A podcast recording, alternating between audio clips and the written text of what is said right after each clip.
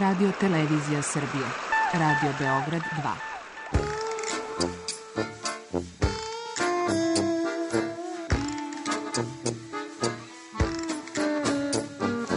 2. Rekli su mi, gospodine, vi ste propanšili temu. Pa ja sam onda promašio život. I ne znam šta će da budu sam. Kaže, ja ne mogu više te čuvati. Šta da ti radi, kaže. Snađi se kako znaš. Mi smo kao u kafesu. Za nas to je najmrtvo. To je mrtvo za nas, naročito. Ja bih željela neko da me usvoji. Da bih željela. Govori da bih te video. Program dokumentarnog zvuka.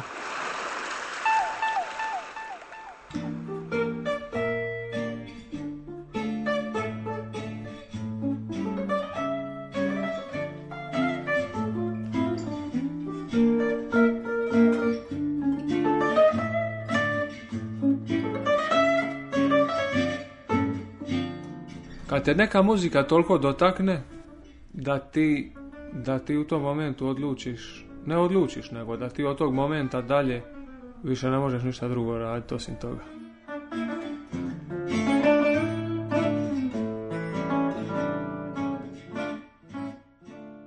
Od kada god pantin volio sam muziku i čača mi svira harmoniku, mislim još uvijek svira. Nisam imao nikakav, ja sa izražene talente za muziku ili ili neke ono sad tolike ljubav da sam počeo svirati ili nešto, ali sam volio uvijek muziku i uvijek kad sam je sluša, slušao sam je kao pozorno i uživao sam u muzici, od uvijek sam baš jako u tome uživa i sjećam se ono kad sam bio dite, pa onda kad bi ručavali, onda je da su uvijek na Radio Šibeniku svirale želje i pozdravi i ne znam, tu je uvijek svirala od klape Šibenik, sve ti sretno bilo.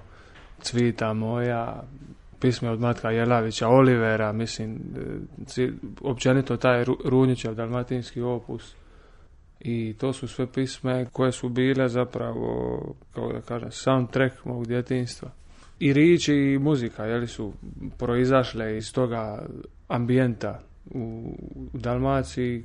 I naravno ta muzika je, kao i Dalmacija, dalmatinska kultura, opet oličenje jedne omeđenosti nekakvim većim kulturološkim utjecajima, odnosno izraz tih kulturoloških utjecaja, Italije, Grčke, na primjer u dalmatinskoj e, muzici jako malo e, orientalnog uopće, znači uopće nema tog orientalnog polutona koji je karakterističan za, za, za orijentalnu muziku, tako nešto uopće ne postoji u dalmatinskoj muzici, tako da samim time i, i tu je prisutan jedan stil života koji, koji, koji to svi jako dobro znaju, koji su bili u Dalmaciji ili ljudi koji znaju neke Dalmatince. Opušteno, pomalo, e, vragodnija prišu, polako ćemo, nemoj žurit i nekako blago, umjereno, sa suncem, sa uvijek neko pivušenje, znaš to, šetaš kroz kalelargu, u šlapama, u kratkim gaćama, litva je ono malo ti vitar pomaznite priko noge, onda vidiš dolje nekoga, pa staneš malo, pa pričaš, pa... I, i još jedan jako bitan faktor u, u, takvoj klimi je ta što su to e, male sredine, znači e, di ti praktički vrlo brzo, jel, od kad se rodiš, poznaš skoro sve ljude.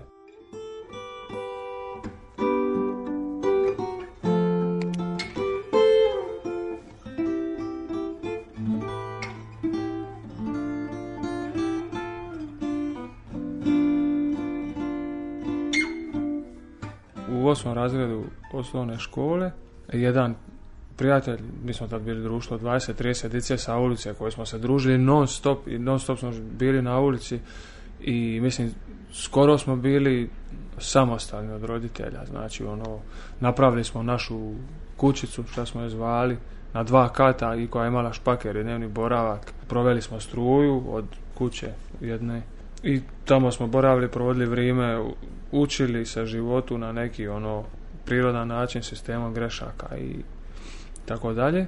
I onda jedan od tih ljudi, tih prijatelja, tada on je u školi svojoj upozna jednoga momka koji je svirao električnu gitaru i on je svirao Nirvanu, kao koja je tad bila popularna među pubertetlijama. I ovaj, on je počeo svirat pisme od Nirvane i tako dalje i onda je on kako je naučio svirat dva akorda, tako je došao, nama je to pokaza, a ovaj jedan drugi iz ulice ima gitaru koju je poklonila teta iz Njemačke, ali on tu gitaru nije svira jer mislim, kako da svira gitaru. I onda smo mi svi na toj gitari učili svirat. I nas 20 je znalo sve svirat. Šta bi jedan naučio, to bi onda se učili međusobno i onda smo naučili svirat tih par pisama, šta ja znam, od Azre, je moja furka, Balkan, sad se ne mogu više ni ali to je bilo to. I to je trajalo, znaš, godinu, dvije, tri dana cijela ta priča. Ovaj, taj koji ima gitaru iz Njemačke, mi nismo znali naštimati gitaru, a to je bila klasična gitara sa najlom žicama koja se raštimava, ono, jako, jako termosenzibilna. I onda bi mi nosili tu gitaru kod drugog prijatelja čiji čača se bavija sa muzikom profesionalno, on je čak svira sa Mišom Kovačem i to je nama bilo ono ko Bog. I onda bi mi otišli kod njega, nas pet, da on nama naštima gitaru i vratili se nazad. I kad sam bija tamo jedan put kod njega, onda sam vidio električnu gitaru. Znači, nisam imao kontakta s time uopće, Tad sam vidio električnu gitaru i ona je meni ostala u glavi. Ja kad sam došao kući napravio sam, mislim kad sam došao kući, to se meni začela ta ideja i onda sam napravio e, gitaru i dan danas mi je na zidu u Šibeniku kući. I stavio sam žice od pela za, za ribu od silka, kako već rećete, laksa, flaksa. Ova, I na njoj sam vježbao onda. Naravno, to sve više bilo vježbanje u mojoj glavi, ali tako je to sve počelo.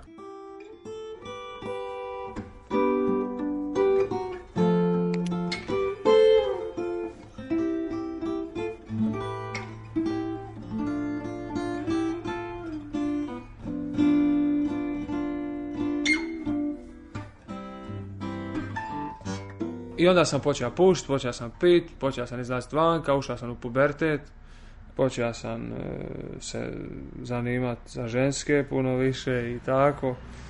Ovaj, nisam se bavio nekim, nekim spiritualnim dimenzijama i tako dalje. Išao sam u medicinsku školu za fizioterapeuta i onda sam završio tu školu i onda sam upisao fakultet u Zagrebu.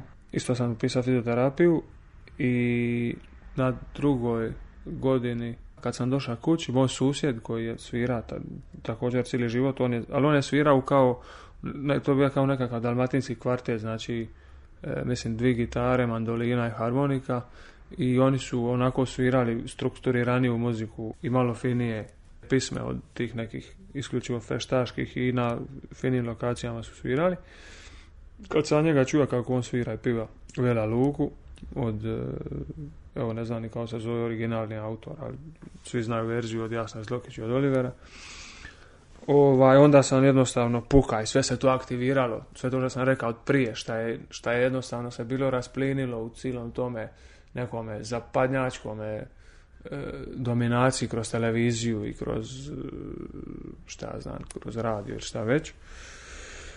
I onda sam jednostavno puka i odlučio da ću svirati gitaru. Znači to je bilo to, ja ću to raditi, ja ću to svirati i ja sam uzeo znači, akustičnu gitaru i jednostavno počeo vježbati, to je po cijele da... Mislim, nisam lažen, nisam odmah počeo vježbati po cijele dane, počeo sam vježbati po jedan sat, ne, mislim, dva sata vježbati instrumente je jako puno kad počneš.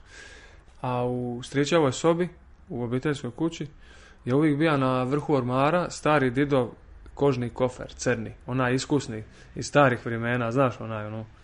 E, i mene uvijek, od kad sam bio dite, gledao sam gori na vrhu ormara i mene uvijek zanimalo šta ima u tom koferu. Ko da je u njemu se krija sad, a mislim kakva je to sad simbolika kroz ovu priču, bar kako ja to doživljavam. Koda se u njemu krilo, ja sam morao njega otvoriti. I, ali nisam ga mogao nikad dobaviti, dogovori. I dogodilo se to, jel, da sam i, ajmo reći, kao odrasta, postao sam mladi mužjak. 18 godina, 19. I onda sam mogao doći do vrha ormara i ja sam dobavio taj kofer i otvorio ga i u njemu su bili nastavci za usisavač.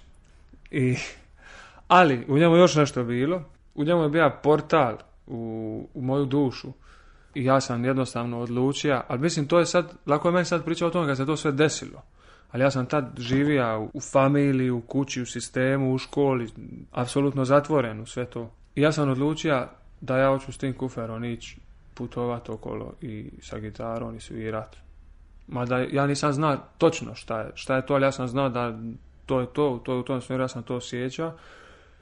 I onda sam nedugo nakon toga upozna e, jednoga e, koji je par godina mlađi od mene, iz e, Šibenika također, pijanist, vrsni pijanist, ali je svira harmoniku za potrebe sviranja na ulici. I mi čim smo se upoznali, to je bilo to. Jednostavno, ono, on je ima sličan film u glavi, ja sličan film i mi smo se jednostavno e, dogovorili da idemo svirat.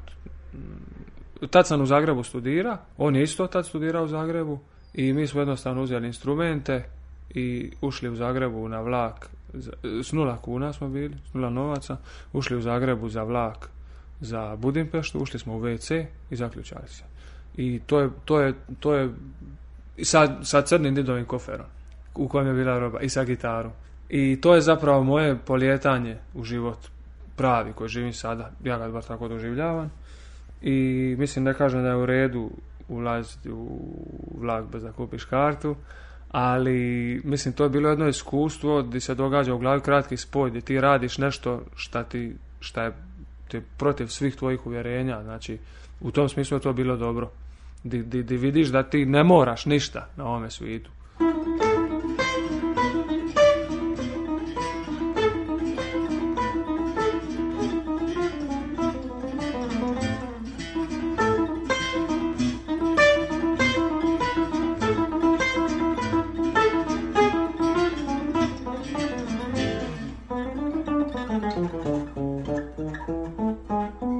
Svirali smo na ulici u Budimpešti, zaradili smo za paštete i za kruvi, za bocu vina i tad smo shvatili da možemo zaraditi novce na ulici i mi smo poletili od zemlje. Zaključili smo to može ići dalje i zaključili smo kad bude toplije vrijeme, četvrti, peti mjesec, idemo ča, ono, idemo u Portugal, jebote, idemo negdje, ono, dalje. I tako se dogodilo i krenuli smo zapravo, opet sam izašao iz Šibenika iz kuće sa didovim kuferom, crnim, iskusnim old school, znaš, kako, kako se prije putovali. Samo s gitarom, bez mobitela, to sam zaboravio napomenuti. Znači, totalno smo bili buntovni protiv tehnologije, protiv čega. Kao mi idemo samo po osjećaju i bez karte. Išli smo zapravo, imali smo ideju da idemo u Portugal, ali idemo u Portugal priko sjeverne Europe. Znači, i to idemo kuda nam se bude išlo.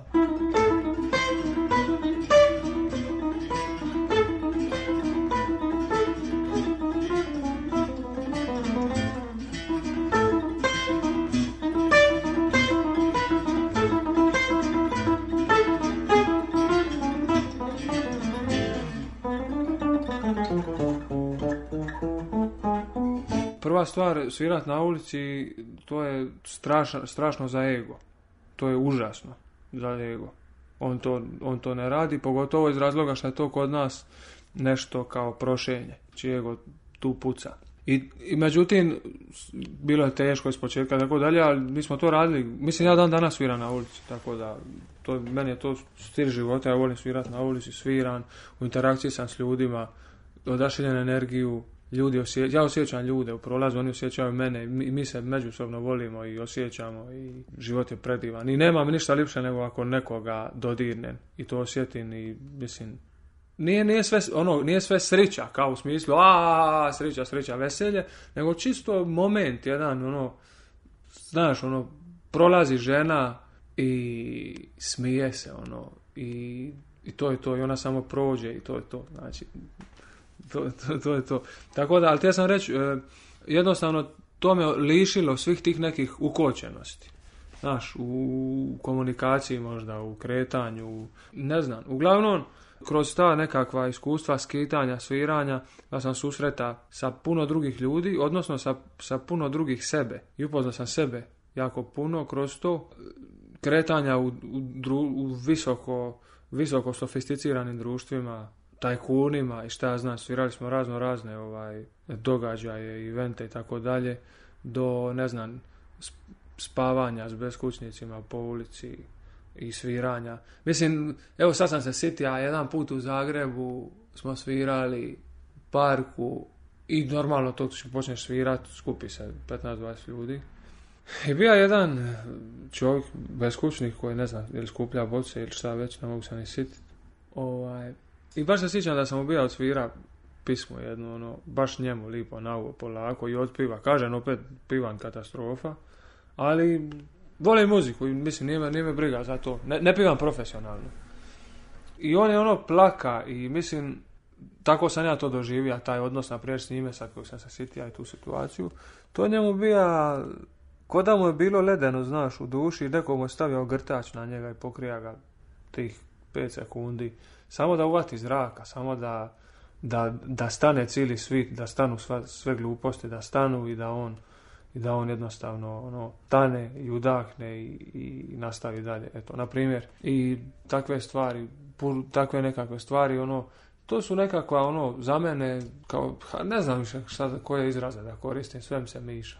Nekakva bliskva iskustva sa, sa sebom i sa drugim ljudima i mislim da me to sve skupa ta nekakva iskustva da su me dosta formirala ili deformirala od onoga što sam bio formiran, a svejedno je. Tako da presretan sam zbog toga i sada u ovom momentu mi nije žao umriti koliko sam se naživio. Iza šta u provu tuče iza mora šta me na dno vuče. Vrate mene moji maestrali u moj porad, u moj porad mali, u moj porad, u moj porad mali.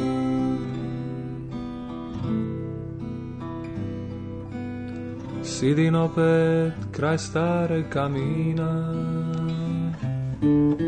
Napijen se domaćega vina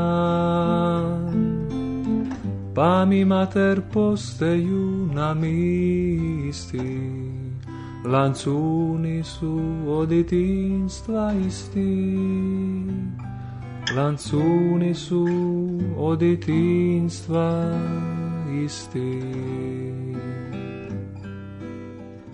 znači nas dvojica počinjemo zarađivati novce od muzike i to ti daje određeni stupanj slobode i zapravo mi smo došli čovječe do, do Bilba u Španjolskoj sjevernoj, htjeli smo ići u Portugal, ali ja sam imao nekakve ispite na fakultetu i onda kad smo se vraćali preko Južne Francuske, bili smo u Saint Marie de la Mer, malo misto, gdje se održava jedan od najvećih ciganskih festivala, romskih, kao da kažem, i tamo dolaze Romi iz, iz raznih dijelova Europe, što uopće nisam znao do tada da postoje Romi od tu, od tamo, razna plemena koja imaju različite opet podkulture i vrste muzike. Jel? Znači, Romi koji žive u Nizozemskoj sviraju gypsy swing i Romi koji žive u Francuskoj, Romi koji žive, cigani koji žive u, u Španjolskoj sviraju rumbu i opet neki sviraju flamenko, opet ovisi o područjima gdje se nalaze, jel? zna se kakva se svira na Balkanu, ciganska muzika. I na tom festivalu je, ja ne znam sad, bilo možda 50.000 ljudi po tom cilom mistu, okolo, naokolo, ali stvar je u tome što je, sad ja možda preuveličavam, ali nije ni važno, jako puno u svakom slučaju ljudi, ali možda 10.000, 20 ljudi od tih 50 je sviralo instrumente i to sviralo jako dobro i to je prvi put da sam vidio stvarnu muziku, ono, ta, u takvim razmjerima, nešto. Znači, ali to, to je sve ono prava stvar, bez ikakvog e, falširanja, baš to je to, znači. I tu sam do kraja puka za muzikom. Ja sam u tom momentu skužija, ok, znači, sve ovo što radim, osim muzike, je čisto rasipanje energije, ako se želim baviti muzikom na taj ozbiljan način koji sam ja vidio. Znači ja sam nikad nisam sreo s takvim nivom sviranja instrumenta koji sam ja vidio u Francuskoj. Znači, to jednostavno je, kod nas se gitara svira e, ono, usput. Bila je jednostavno i, i samim tim staje polako temperament. E, gitara je bila više kao prateći instrument. Nije bilo solo. Gitara kao vodeći instrument u nečemu i, i njena je uloga bila isključivo prateća, Para pa para pa para ra, pa, para pa pa pa pa pa na takav nekav način. A kad sam e, došao u Francusku vidio sam neke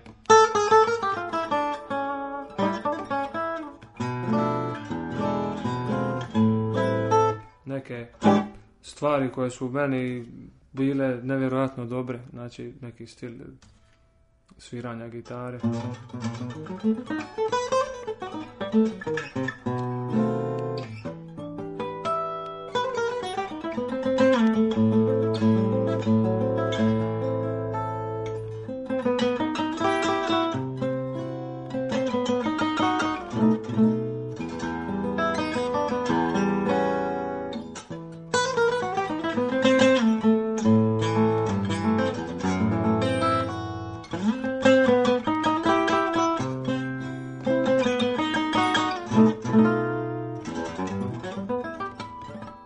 I onda smo mi, kad smo se vratili nazad, mi jesmo svirali te fešte, ali pošto smo imali kontakta s time, mi jednostavno više nismo mogli ostati u tim okvirima i stila sviranja. Ali naravno nismo bili ni, dovoljno sposobni da sviramo to, jer to je izuzetno tehnički zahtjevno i glazbeno. Jer...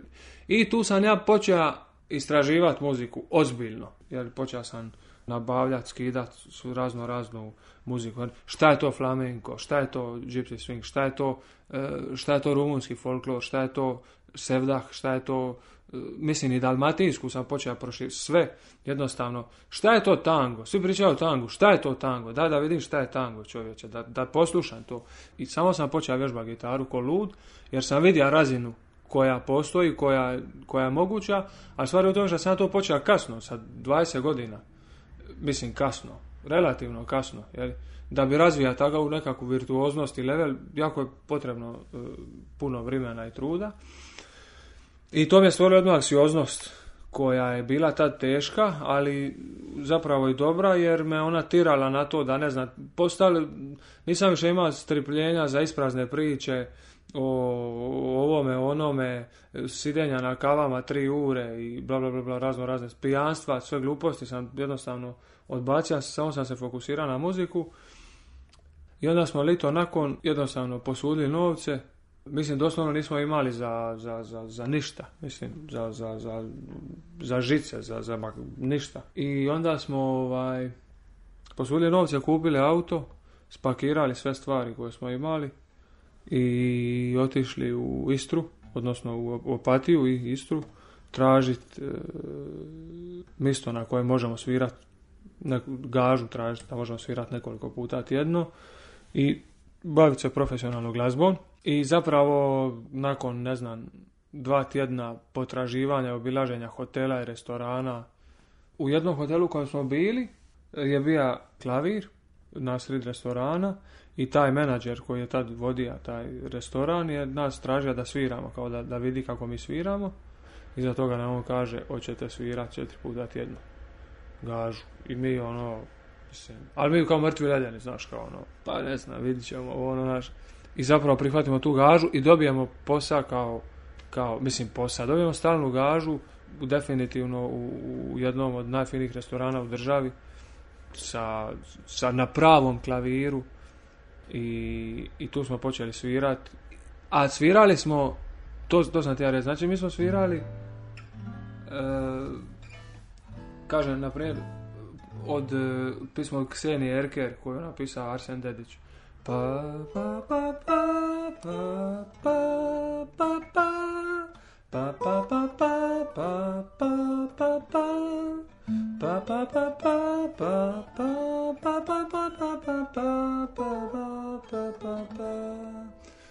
Proljeće je odpočelo s kišom Kao da je znalo da nas dijeli I dok drugi zajedno su bili Međutim, mi smo svirali instrumentale I mi smo to sve aranžirali po uzoru na te majstore E, muzike. Mislim, naravno, sad se tu radi već o širim utjecajima.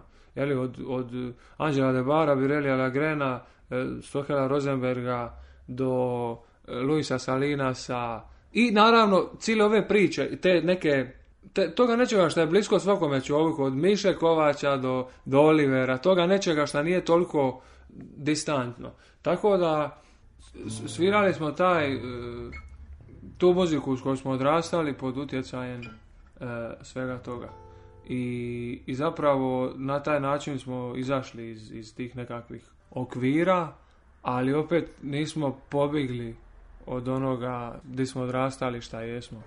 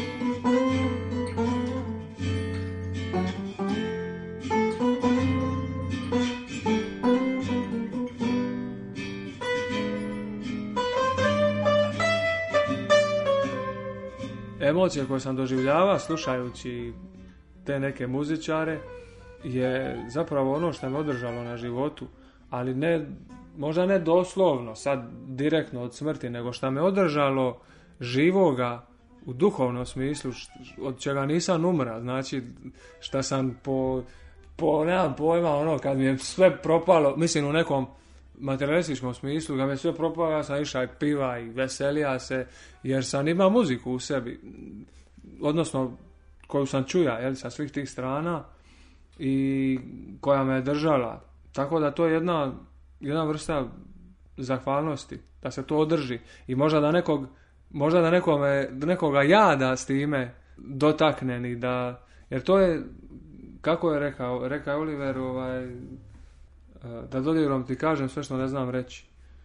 Za mene muzika govori sve što se ne da reći, a ja sam sad petljan i gubim se kimaništra, ovaj, špageti, razumiješ, livo, desno, uzbrdo, nizbrdo, i pokušava nešto reći, e, tu je moguće izvući nešto iz, iz, iz nekih redova, ali generalno sve to je ništa u usporedbi s onime što osjećam dok slušam ili sviram muziku. Ili, mislim, samo dok živim, jer jednostavno kažem, ono, mogu možda u nekakvoj sekvenci, u frazi nekakvoj glazbenoj proživjeti toliko emocije i toliko života da je to to jednostavno ne mogu, ne mogu izraziti ričima.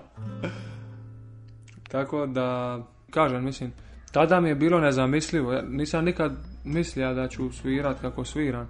A sad ne želim s ovime davat prizvuk da mislim da sam gotov sa svojim vježbanjem ili, ili učenjem. Ja sam mladi, mladi ovaj, gitarist, ali doslovno mladi. Ali jedno sam stvar naučio kroz to sve, a to je da je sve moguće. Ali to nije nešto što ja sam pročita, nego je to nešto što sam ja doživio. Znači, to je moguće. Svaka transformacija je moguća. Samo je potrebna ustrajnost, i, i ništa više. Samo ustrajnost. To je stvar koju tvrdim, a ništa se drugo ne usudim tvrditi. Nadam se da ću postati muzičar kakav bi ti ja postat, da se mogu izraziti istinu kao se želim izraziti, kroz muziku, i kroz instrument i da ću jednostavno svirat i bojat jutra i dane i popodneva i večeri nekakvim bojama koje će pobuđivati u ljudima nekakve dijelove koji su predivni i kojih nisu ni svjesni koliko su predivni u njima samima i koji će im ukazati na to koliko smo mi sretni zapravo. Samo što smo tu.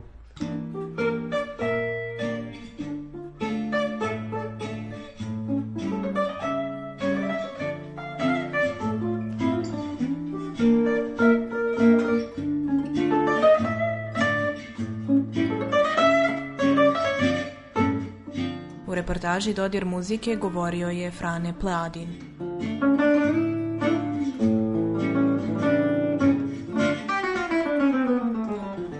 Autor Milena Radić